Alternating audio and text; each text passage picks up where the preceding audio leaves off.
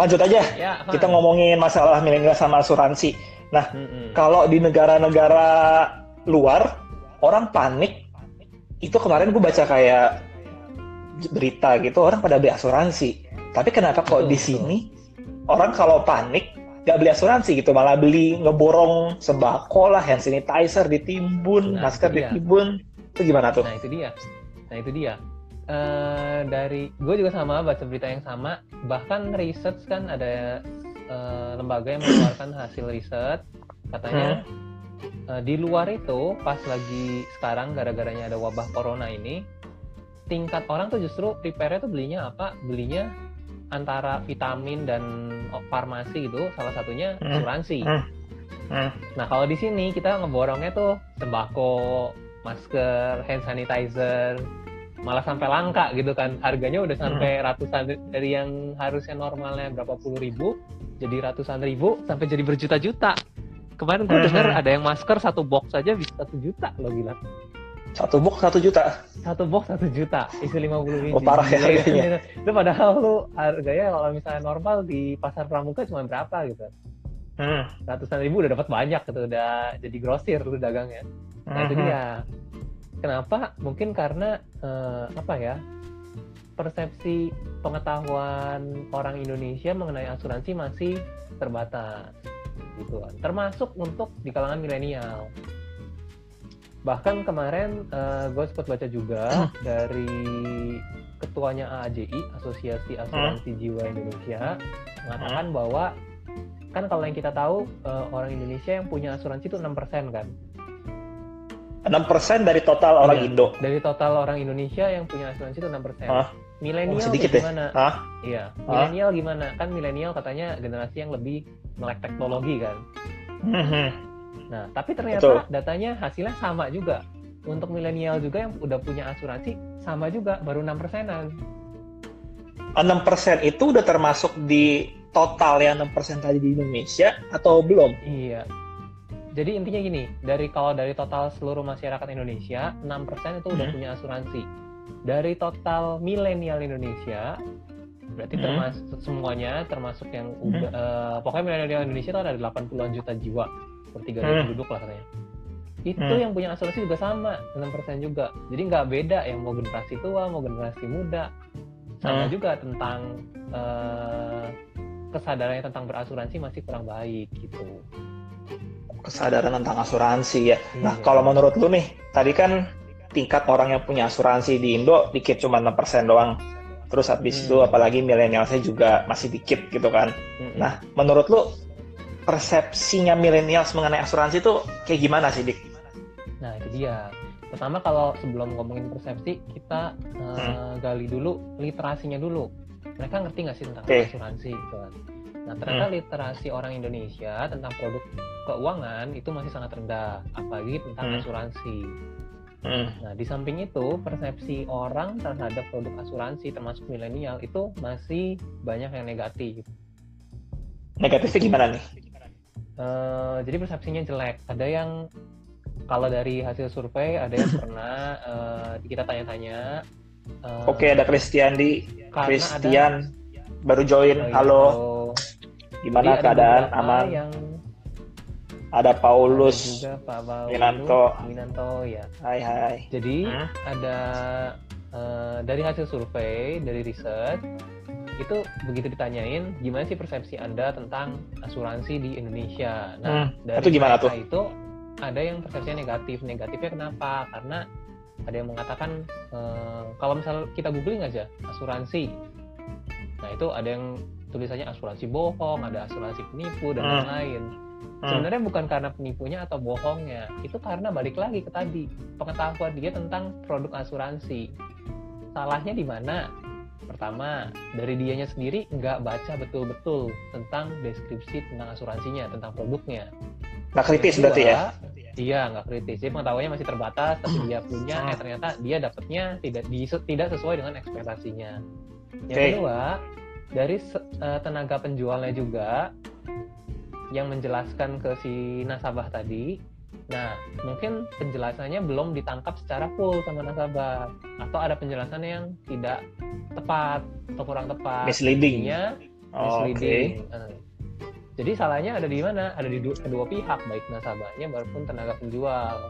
Makanya yang kemarin-kemarin ada beberapa eh, ini menimbulkan ya persepsi kurang baik tentang asuransi di masyarakat. Nah makanya kita harus mulai mengedukasi lagi lah. Mulainya dari edukasi dan kita pastikan nasabah itu dapat message pengetahuan literasi tentang asuransi itu sama dengan yang seharusnya.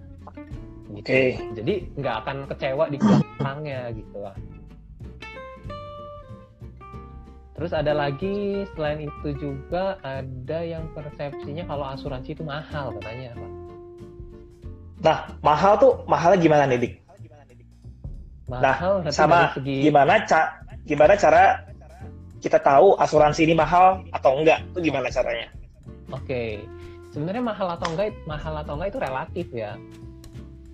Sesuatu yang mahal tapi kalau misalnya kita rasanya penting itu Hmm. pasti nggak nggak berasa mahal walaupun harganya tinggi. Hmm. Hmm. balik lagi kalau misalnya tentang mahal atau enggak kita cek lagi tuh yang namanya prioritas. Jadi kita urusannya sama prioritas. Dari prioritas sendiri ada yang namanya FPSB Financial Planning Standard Board. Ini organisasi eh, tentang perencana keuangan di dunia. Nah kalau dari mereka eh, memprioritaskan asuransi itu di prioritas nomor dua. Pertama tuh bayar utang kedua tuh bayar premi asuransi ketiga baru berinvestasi dan sisanya untuk konsumsi jadi asuransi itu di prioritas nomor dua.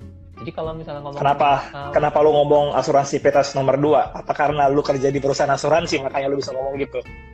Ah, ya nggak gitu juga. Ini yang ngomong, gue cuman mengutip apa yang dikatakan sama FPSB. FPSB ini lembaga Hmm, independen, Financial Plan Planning Standard Board. Hmm. Dia udah di seluruh dunia kok. Lembaganya kelasnya udah dunia, termasuk ada cabangnya di Indonesia. Nah itu dia mengatakan dari prioritas keuangan pertama tuh bayar utang, kedua tuh bayar premi asuransi. Bayar premi asuransi itu berapa besar? 10% dari income yang lu punya. 10% dari income. 10% minimal, minimal 10%. Jadi Oh, jadi kalau tadi. misalnya kita dapat gaji bulanan sejumlah X misalnya, berarti 10% dari X itu kita beliin buat asuransi, gitu. betul, betul. Dari FPSB disarankan seperti itu. Nah, balik lagi kalau Hmm. kita ngomong harganya mahal atau enggak gitu kan. Itu balik lagi ke produknya. Hmm. Produknya yang apa? Produknya sesuai dengan kebutuhan lo. Hmm. Semahal apa pun dia akan cocok karena ya memang ini yang produk yang lo tahu, yang gue tahu nih manfaatnya untuk apa Hmm. gitu. Oh, oke oke. Tuh. Kira-kira berarti kalau misalnya kayak produk asuransi itu apa ya untuk nge-cover resiko gitu kan? Hmm, hmm, hmm. Betul. Kalau nggak salah lu juga pernah ceritain gua mengenai apa ilustrasi seorang satpam ya. Lu bisa ceritain ke teman-teman nggak mengenai Iya, iya, ilustrasi iya. seorang satpam tuh? Nah, Itu bagus kalau tuh, kita ngomongin kalau kita ngomongin tentang asuransi itu eh, kait erat kaitannya sama namanya manajemen resiko. Hmm. Nah, manajemen resiko itu nggak cuma dari asuransi. Jadi manajemen resiko ki- mulai dari definisi dulu lah ya. Resiko. Oke. Ivan tahu ya resiko kan? Apa tuh? Bisa dijelasin nggak? Nah, Mungkin Kalau biar resiko sama tuh gini. kita. Jadi res ya resiko itu eh, kita bisa nebak nggak masa depan? masa depan nggak bisa. Kita nggak bisa nebak. nggak bisa paling banter juga cuma prediksi tapi prediksi juga kan nggak tahu kan bisa benar bisa salah gitu Hmm. Kita nggak ada yang tahu masa Hmm. depan nah karena kita nggak tahu apa yang terjadi di masa depan berarti kan ada suatu ketidakpastian. Hmm. nah ketidakpastian itu yang menimbulkan adanya namanya resiko nah untuk Oke. supaya kita nah resiko itu eh, bisa kita manage manage itu dengan empat cara Resiko di manage pacar. Oke, apa aja tuh? ya manajemen resiko itu pertama itu namanya menerima resiko Menerima. Contohnya menerima Iya, resiko kayak gimana? resiko. Oke, contohnya kalau sekarang mungkin dikaitin sama corona kali ya, kan yang lagi Hmm. marak nih. Ya ya, Kalau boleh boleh. menerima resiko, menerima resiko itu ya pasrah. Jadi sekarang kan lagi ada wabah nih, corona nih. Hmm. Hmm. Nah, tapi kita tetap keluar-keluar, tetap jalan-jalan biasa, kerja biasa, nongkrong-nongkrong. Artinya ya udah, kalau misalnya lu kena ya terserah gitu. Ya lu terima, pasrah, pasrah. Itu Pasrah menerima sama bodoh beda-beda dikit ya. Ya beda tipis ini antara pasrah sama bodoh Ah, beda ah. tipis. Iya benar benar benar. Yang benar. kedua, yang kedua itu namanya menghindari resiko. Menghindari itu kayak Jadi gimana kalau contohnya? Nah, kalau menghindari resiko itu misalnya contohnya, kalau misalnya kita tahu uh, di Jakarta ini udah ada corona, di Jakarta udah ada corona. Misalnya, hmm. gue tinggalnya di Bekasi, hmm. misalnya di Bekasi belum hmm. ada corona.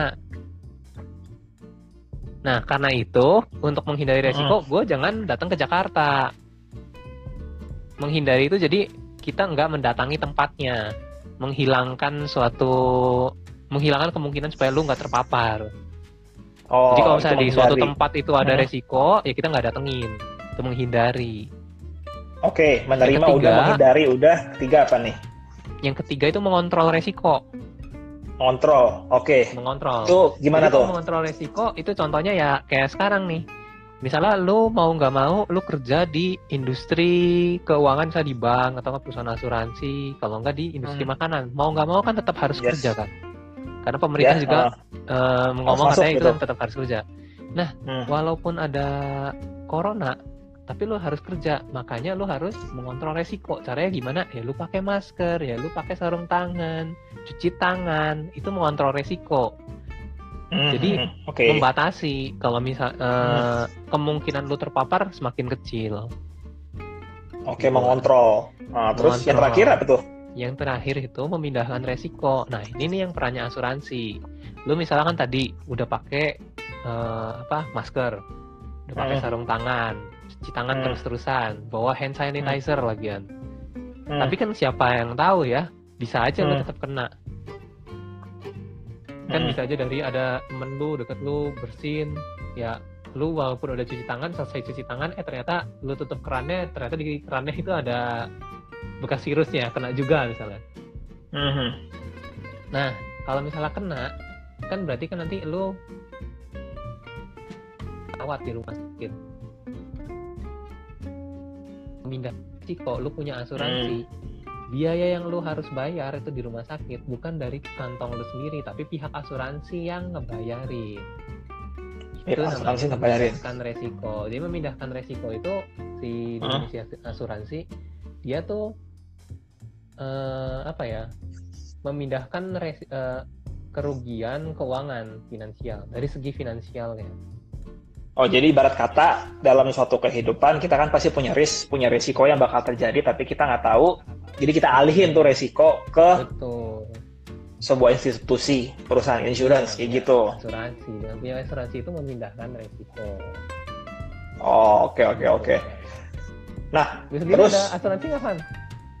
Gua ada dong. Nah, lu sendiri gimana? Oh, lu dari tadi udah pasti lah. Banyak gua. Dari bendera warna apa nih? Oh, macam-macam karena harus diversifikasi juga kan. Jadi udah udah banyak uh. udah macam-macam. Udah ada empat empat. Empat brand berbeda? Iya beda-beda. Ada yang sama ada yang sama juga. Jadi kalau misalnya yang tadi yang gue ngomong tingkat asuransi di Indonesia sendiri termasuk milenial uh -huh. persen kan. Uh -huh. nah kalau misalnya kita bandingin aja nih sama negara-negara lain negara maju. Paling uh -huh. maju di Asia kan Jepang lah ya Oke, okay, Jepang. Bilang gitu. Jepang hmm. tuh di sana tingkat asuransinya tuh bisa sampai 700% loh, Van. Lah, itu satu orang gue borong asuransi dong. Iya, satu berarti orang satu orang di tujuh ya berarti ya? Iya, benar. Itu kenapa kok bisa satu orang belinya oh. banyak? Karena asuransi hmm. itu bukan lu beli sekarang terus udah gitu. Tiap hmm. waktu, hmm. setiap waktu seiring berjalannya waktu lu harus evaluasi lagi. Mungkin hari ini cukup dengan perlindungan nilai sekian.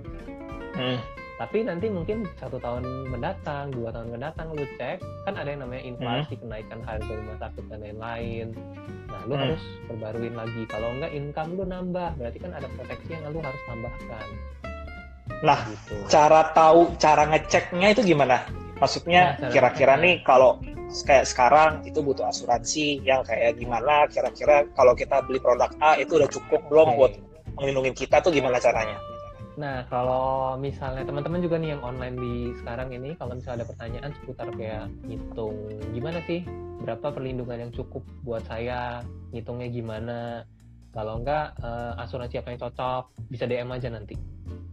Karena DM, itu personal tiap orang. DM tiap orang, di sini. Iya ya, DM di sini di sini. Di kalau nggak di mipower.pinplan nge-DM saya mau tahu tentang asuransi kayak gimana gitu.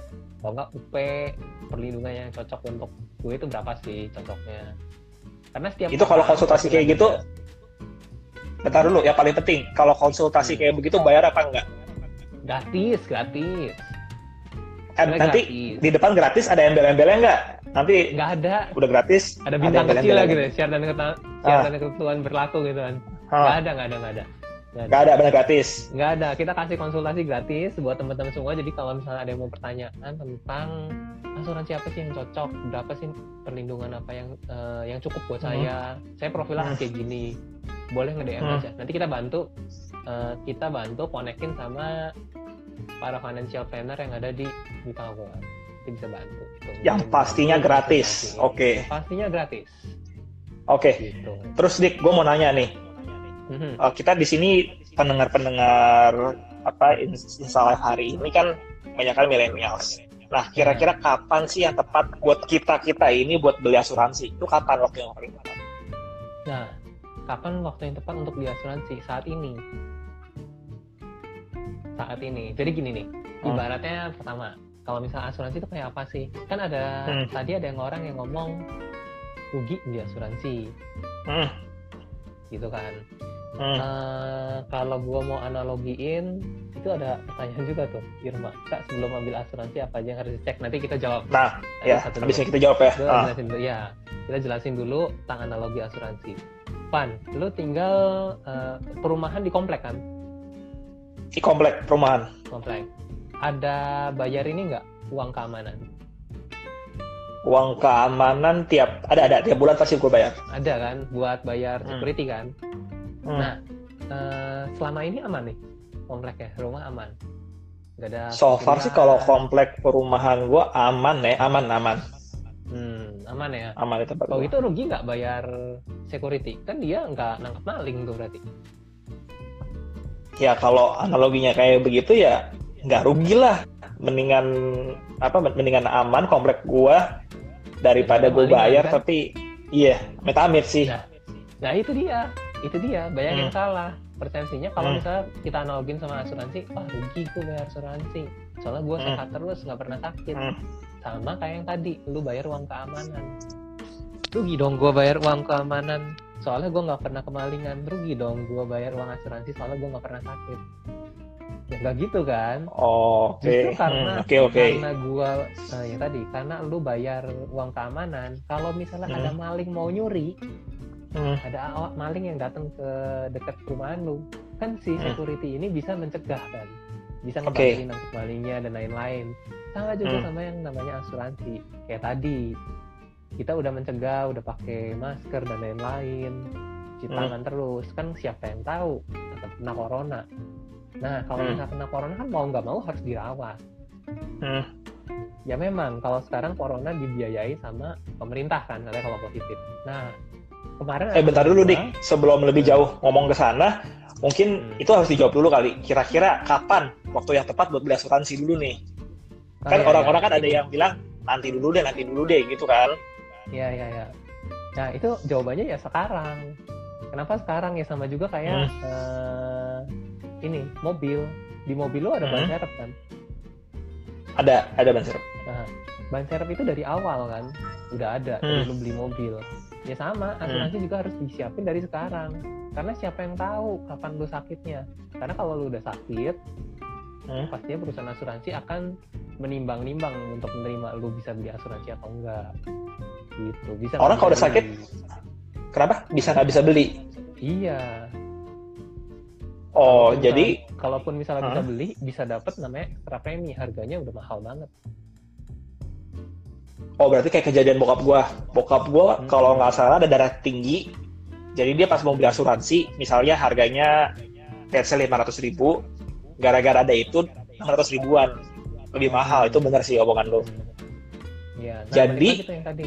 Hmm? yang kalau kayak bayar asuransi rugi.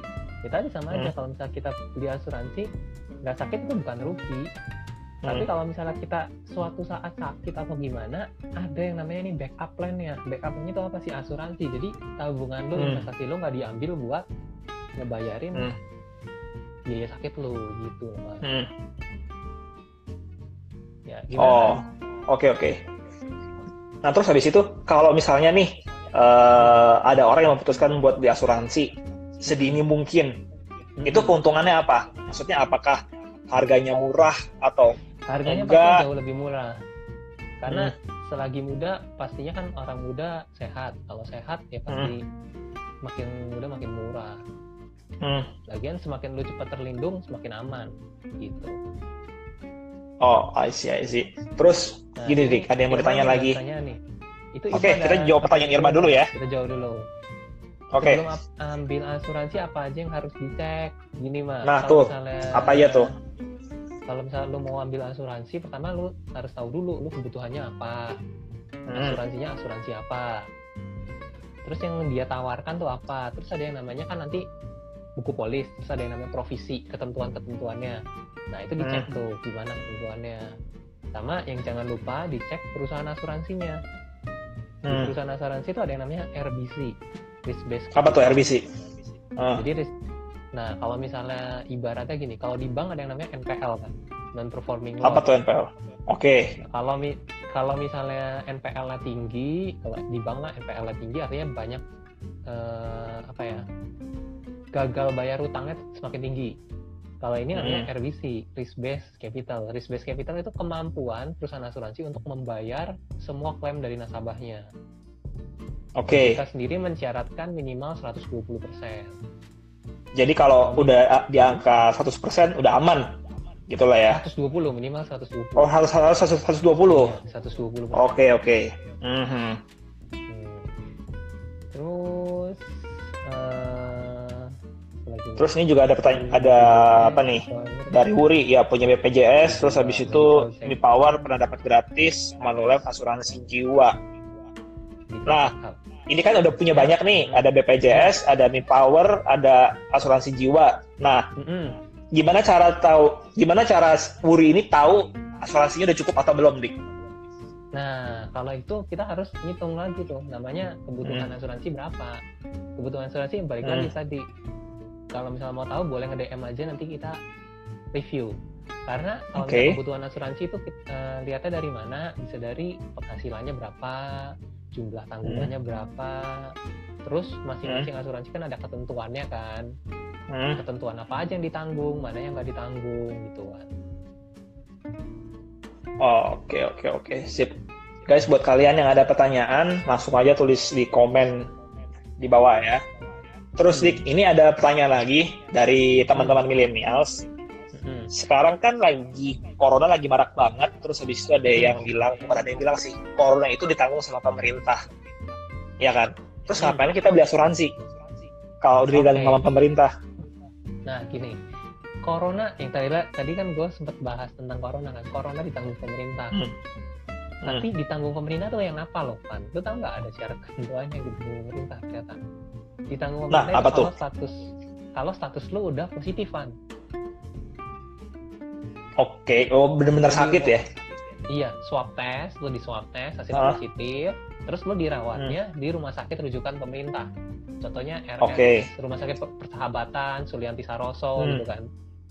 Nah, kalau di situ lo ditanggung pemerintah. Uh. Ya, itu di, hmm. ditanggung pemerintah. Tapi kalau dirawat hmm. di rumah sakit swasta, kemarin ada yang hmm. positif kenalan gua, ada informasi hmm. katanya uh, kenalannya lagi dia kena corona dirawatnya di rumah sakit swasta yang bukan rujukan. Nah, itu harus bayar sendiri. Dan satu lagi. Oh, oke. Okay. Nah, satu lagi. Uh, sebelum corona misal positif, lu kan ada yang namanya ODP sama PDP kan sekarang. Iya. Yeah. Nah, contohnya kalau enggak kalau enggak ODP atau PDP, lu misalnya udah ada gejala sakitnya kan demam. Yang sakit demam hmm. itu kan nggak cuma corona doang kan? Iya. Yeah Nah terus pernah dengar nggak ada yang kabar katanya orang demam ke rumah sakit diagnosanya tipes, kalau nggak demam berdarah ya udah dirawat dulu. Ah. Nah dirawat dulu, selama dirawat itu pasti lu bayar gitu. Oh, yang kayak sebelumnya itu yang nggak di cover iya, sama pemerintah. Sebelumnya nggak di cover, itu pentingnya asuransi. Dan satu lagi, satu lagi, mm kalaupun yang tadi kalau lu dirawatnya di rumah sakit swasta yang bukan rujukan lu bayar sendiri dan bayarnya itu mahal loh kan berapa tuh? Kalau boleh tahu biar teman-teman juga tahu, biar kemarin tahu. ada informasi ada yang baru dirawat baru dirawat 11 hari 11 hari bukan 11 minggu. 11 hmm. 11 hari. Dan ini masih jalan perawatannya udah 60-an juta. Ah kok mahal? Sehari 6 jutaan? Mahal. Karena gini eh, corona ini penyakitnya khusus kan dia sangat menular kan. Lu nggak hmm. bisa ditinggalin di kamar biasa nggak bisa di kamar kelas 2 hmm. kelas 3 atau ataupun VIP dia hmm. harus yang namanya ruang isolasi. Ruang isolasi itu udah yang tinggi banget satu hmm. itu udah tinggi banget berarti harga kamarnya pastinya mahal kedua hmm. ini kan yang pada perawat dokter apa kemarin kan pada ribut kekurangan APD kan hmm. maskernya kurang nggak ada baju ini lalalala gitu kan nah hmm. yang namanya APD APD tadi kalau di rumah sakit swasta itu dibebanin ke pasien juga padahal APD itu mah oh oke okay.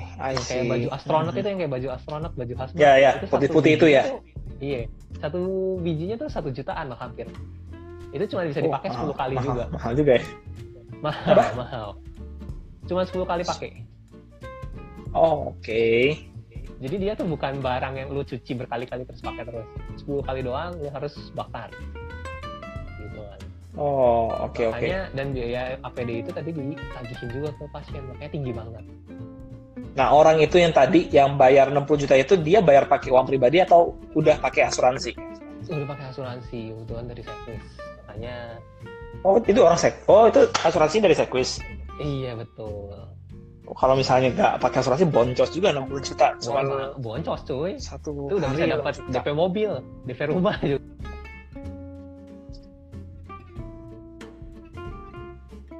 Nah nih Dik ini soal corona ada nih yang nanya lagi Irma dia nanya kalau misalnya ada orang yang udah kena infeksi corona tapi belum punya asuransi terus dia sembuh nih itu masih bisa beli apa enggak tuh hmm. kalau kayak gini kan udah kena penyakit kan Iya, iya, iya, iya. Uh, paling gini, yang namanya asuransi itu kan harus yang namanya asasnya kan kejujuran. Ya di state hmm. aja bahwa pernah namanya sakit corona. Kemungkinan sih bakal diterima sih, karena corona itu bukan namanya bukan termasuk anggota penyakit kritis yang permanen ya. Corona hmm. itu lu kena, dirawat sembuh ya beneran sembuh gitu. Beda sama okay. penyakit jantung kalau lu sakit ya itu permanen sakit jantung Oh oke okay, oke okay, oke. Okay. Jadi jadi yang bisa, penting kalau misalnya mau beli asuransi harus, jujur aja. Jujur aja, tapi di state. Kalau misalnya gua berapa waktu yang lalu kena corona kayak gini kayak gini kayak gini.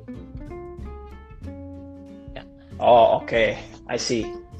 Nah terus nih Dik, ini juga hmm. banyak pertanyaan dari teman-teman gue yang masih millennials. Banyak banget yang nanya asuransi apa yang cocok buat millennials. Nah, asuransi apa nih untuk millennials? Buat teman-teman okay, biar pada tahu nih. Nah, kalau asuransi untuk milenial sendiri, uh, eh, gue saranin ada yang namanya Mi Protection dari Mi Power uh -huh. by Sequis. Jadi Mi Protection ini uh. asuransi tipenya term life. Asuransi kan ada macam-macam nih tipenya. Salah satunya term life. Uh. Term life itu yang asuransi term life apaan tuh? Bisa dibit. Jadi asuransinya itu jangka waktunya pendek tapi bisa diperpanjang terus. Nah, uh. cuma harganya murah.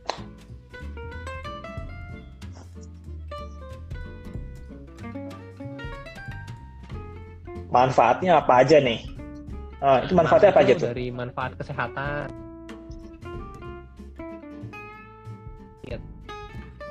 Terusnya ada uh, santunan rawat inap, hmm. kan. Yang kedua itu mental, jadi mental recharge. Itu mental recharge kalau konsultasi ke psikolog karena penyakit uh, mental.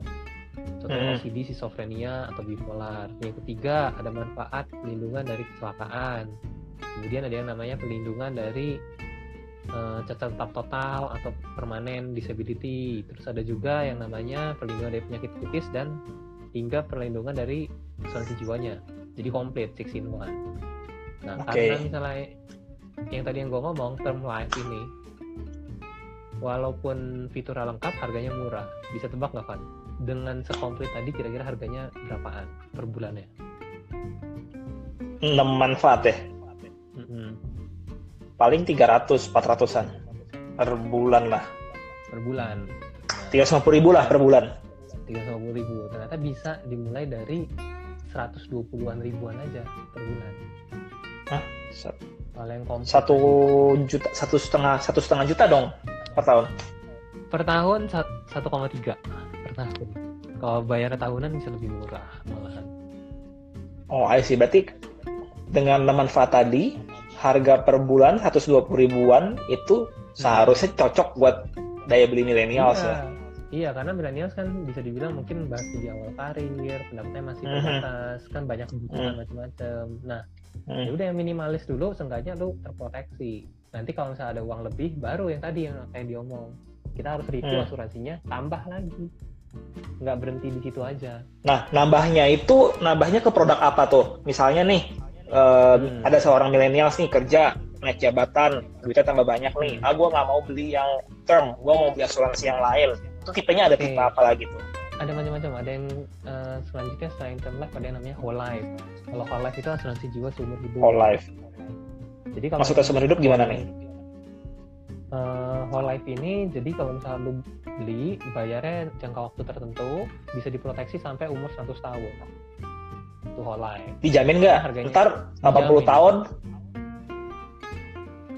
dijamin udah pasti dijamin ya udah pasti dan di approve sama OJK juga kalau mau tahu produknya bisa nge DM juga nih nanti oh, oke okay. ya kalau misalnya ada yang mau tahu ada nanya-nanya bisa langsung DM ke sini Wah.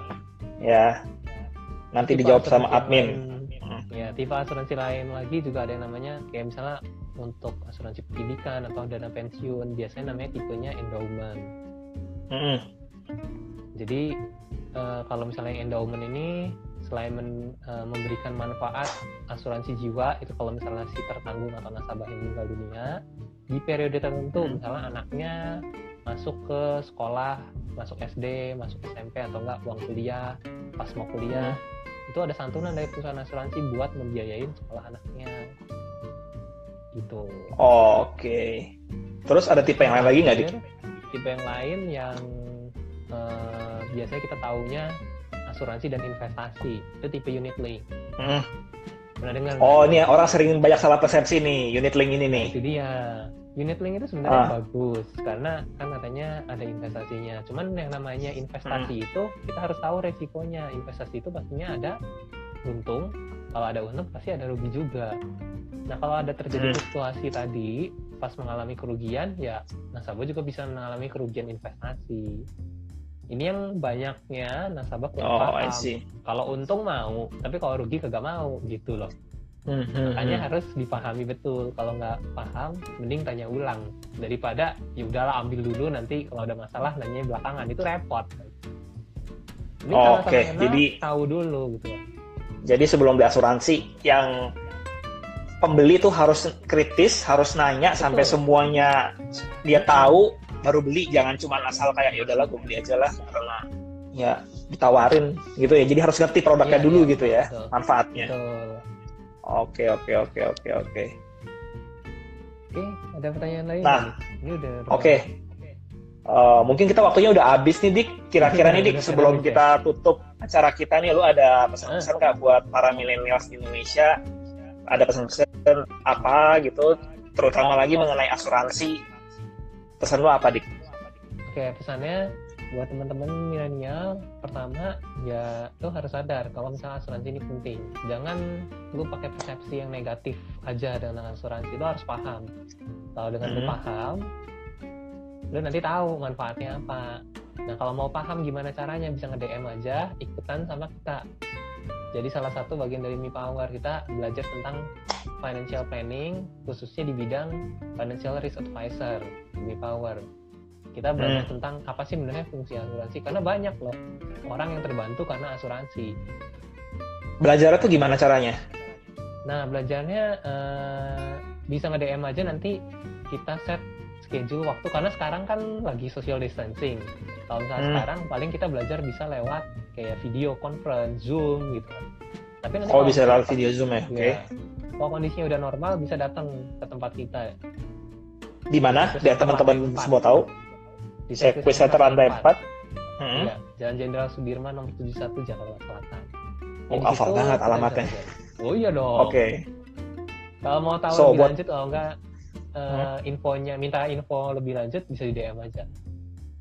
Oke okay, guys, buat kalian berarti yang mau tahu atau yang mau belajar mengenai asuransi bisa langsung ke DM ke Instagram ini. Hmm. Dan buat kalian yang mau belajar, kalian bisa langsung datang tadi ke mana ke Cubic Space Jalan Jenderal Sudirman, Cafe 71 ya. Iya. Oke okay deh. Oke okay deh. Kalau gitu. Hmm, Oke, ada lanjutannya. Muda selagi ah.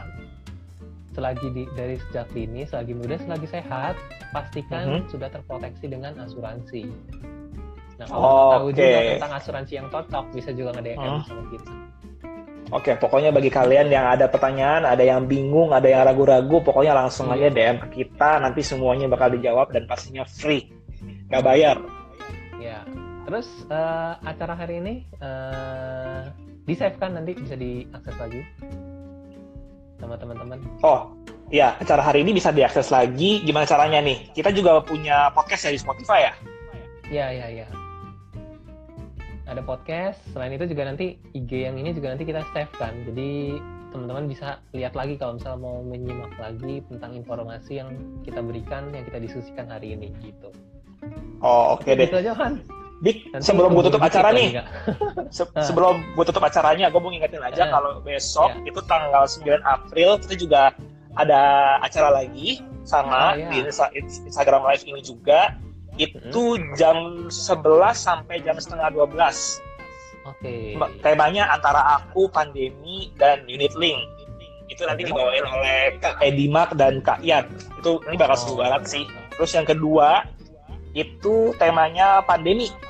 Semua orang bisnisnya anjlok, solusinya gimana? Oh. Sahab aja pada merah semua kan. Nanti itu akan iya, iya, dibawakan iya. oleh Kak Patricia sama Kak Ian mulainya jam 2 sama waktunya kayak begini juga mulainya jam 2 kayak gitu Jajahan. Oke, kalau kayak begitu, thank you banget guys atas waktunya. Tetap hmm, jaga kebersihan dan kita harus bantu pemerintah untuk memutus rantai penyebaran virus corona. Ya, yang penting stay di rumah aja. Ya. Oke, gua Ivan dan rekan gua Diki yang di bawah Diki. ini. Thank you banget atas waktunya. See you besok guys. Bye bye. bye.